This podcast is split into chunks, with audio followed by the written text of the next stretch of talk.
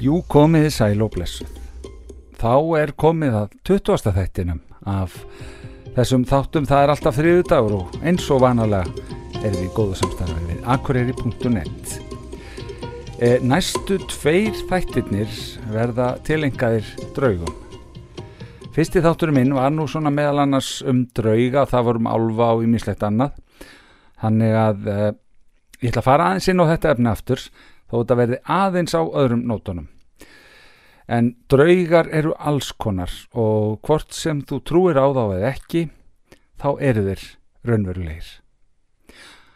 Á rúf.is var nýlega samantekt á um draugatrú Íslandinga og gerður samanbörður frá 1974 og til ásins 2023 varðandi draugatrú og niðurstöður eru á einn veg. Við trúum sífælt minna á drauga. Það er áhugavert en svo sem alveg í takt við margt annað í, í þróuninni. Ég held reyndar að við höfum verið meira í tengslu við náttúrunni henn áður fyrr og það hafi valdið meiri draugatrú. Með öðrum orðum, ég er að halda því fram að draugar séu til en nútíma manneskjan séu eins og sokkin ofan í snjáltækin að hún tekur ekki eftir öðrum vítum.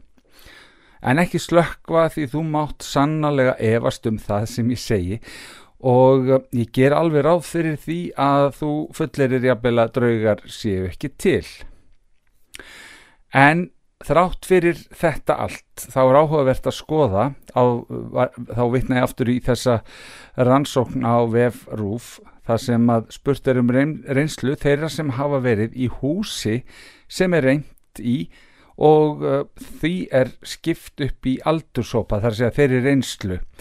Það sem er spurt hefur þú verið í húsi það sem er reynd og, og þetta er uh, 1830, 31 til 45 46 til 60 og svo 60 pluss og það er áberandi hvaða fyrir lækandi eftir aldri reynslan af remleikonum.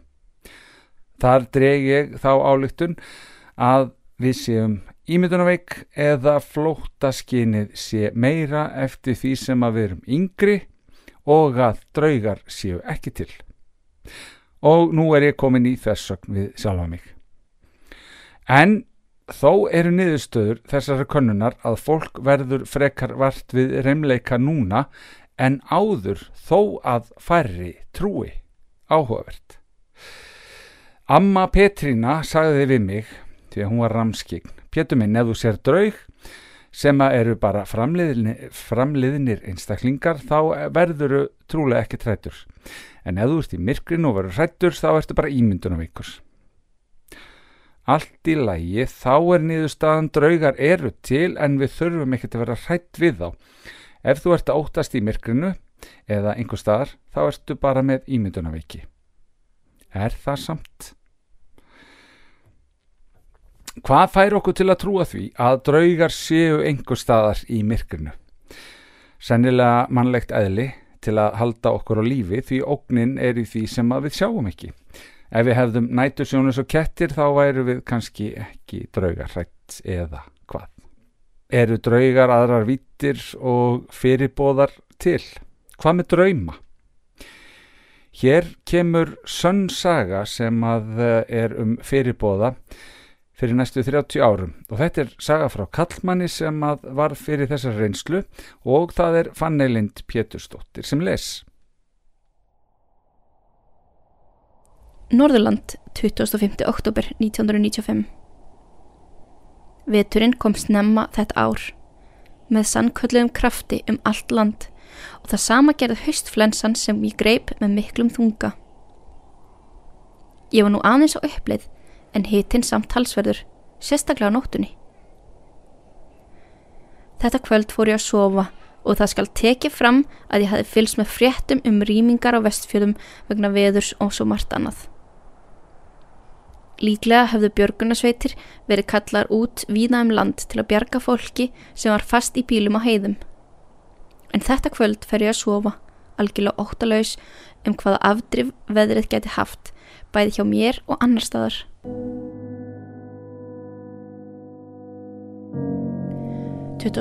Oktober 1995, sami staður, klukkan er 9.45 á morgni.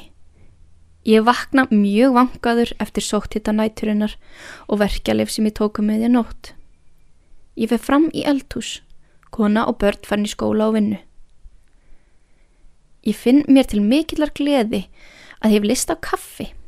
Er orðin þó það hress. Þegar ég helli upp á fer ég að hugsa um draumin sem er dremdi í nótt. Meiri vittlesan en óþægilegur samt.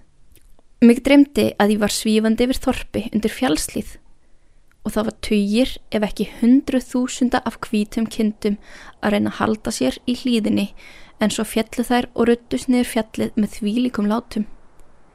Jæja það nú meiri vittlesan sem hann er dreymir, ekki síst þegar maður er lasin með hita óráð. Ég lít á klukkuna og hún er orðan tíu og ég kveikja útvarpinu. Frettir voru byrjaðar og sögðu frá því að snjóflóð hefði fallið á flateri. Það er auðvitað hægt að fara út í allskins vangaveltur af hverju þessi sterki og óhugnalegi draumur átt sér stað sömu nótt og þessi hræðilegu atbyrður átt sér stað. Kanski tilviljun. Kanski undir meðutund að því ég vissi að það var vond veður. Eða skinnjun á eitthvað sem var að gerast. Það mun ég aldrei vita og skiptir í raunar engum máleik okkar þessum hræðilega atbyrði. En það er margt í henni veröld sem ekki er hægt að útskýra. Það er sannlega margt skrítið í henni veröld og frekar fáttækt að segja eftir þessa sögu. Ætli ég segi þetta ekki bara gott af fyrir hluta drauga þáttana en setni hluti kemur eftir viku og þá verður sögð sönn saga af draugagangi af reymleikum í húsi. Að minnst að kosti sönn frá þeim sem að upplifið hana. Það er engin niðurstaða frekana vanalega í þessari umfjöllun og sitt sínist hverjum. Komi þeir sem koma vilja, fari þeir sem fara vilja, mér og mínum að meina lausu. Guð veri með þér.